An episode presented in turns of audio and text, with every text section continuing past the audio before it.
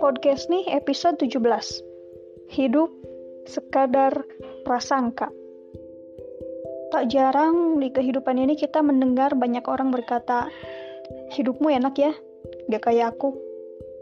Seringkali kita memandang hidup orang lain lebih menyenangkan Lebih beruntung. Setiap orang menginginkan berada di posisi orang lain Menginginkan kehidupan yang dimiliki orang lain Padahal semua tergantung perspektif tergantung bagaimana cara kita memandang hidup. Seorang anak yang bersepeda di jalan memandang seorang anak yang berada di dalam mobil mewah. Atap mobilnya terbuka, dikendarai oleh seorang supir pula. Anak yang bersepeda itu berkata dalam hatinya, "Enak ya, naik mobil di antara sopir, gak perlu capek naik sepeda kayak aku."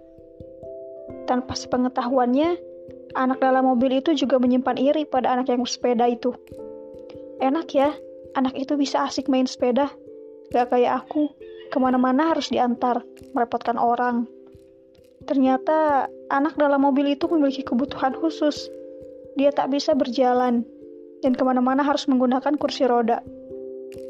Kisah lain sebut saja namanya A, seseorang yang masih muda Baru lulus kuliah, sudah diterima bekerja di tempat yang diidamkan banyak orang.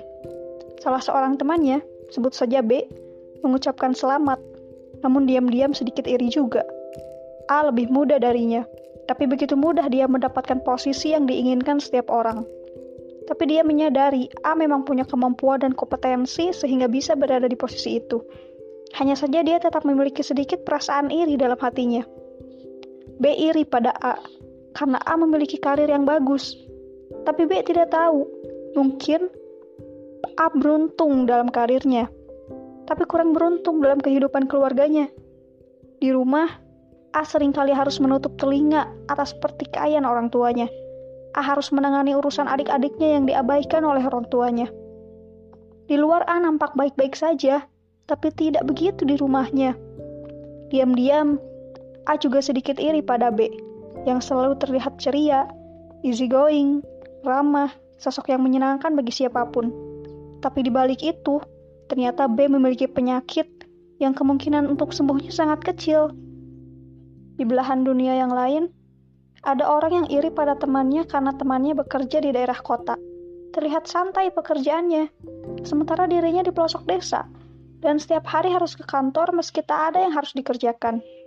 Dia menggerutu, kenapa temannya yang di kota itu kerjanya enak sekali, padahal profesi mereka sama. Tanpa dia ketahui, temannya yang di kota itu memang terlihat santai pekerjaannya, tapi dia kurang nyaman dengan lingkungan barunya. Teman-temannya tak begitu solid, hanya datang ketika butuh saja. Semuanya terasa seperti transaksi bisnis, tak terasa seperti keluarga. Dia yang iri pada temannya yang di kota, mungkin jenuh karena harus setiap hari ke kantor, padahal tidak ada yang harus dikerjakan.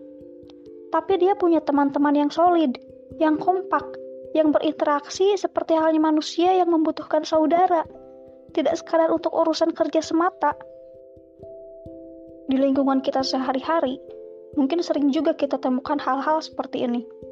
Menganggap rumput tetangga lebih hijau, tanpa tahu ada apa di baliknya, tanpa tahu apa yang terjadi di dalam rumahnya menganggap pekerjaan guru di masa pandemi enak.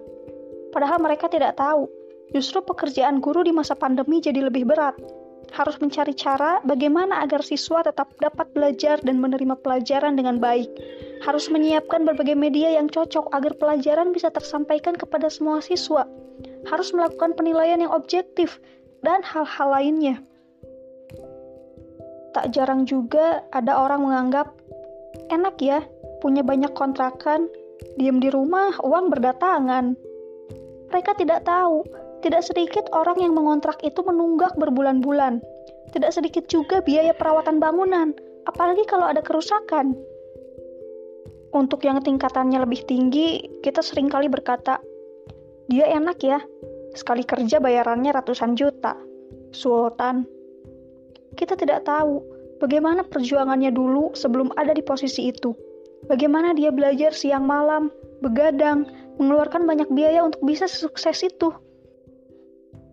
Banyak sekali orang-orang sukses sekarang yang kita tahu hanya ketika dia sudah sukses, sudah hidup dalam keadaan serba enak. Padahal sebelum itu ada cerita perjuangan yang kita tidak tahu, meskipun ada juga beberapa yang sukses karena peran harta dan koneksi orang tua. Tapi intinya, hidup ini hanya sekadar prasangka, tergantung kacamata apa yang kita gunakan untuk melihatnya.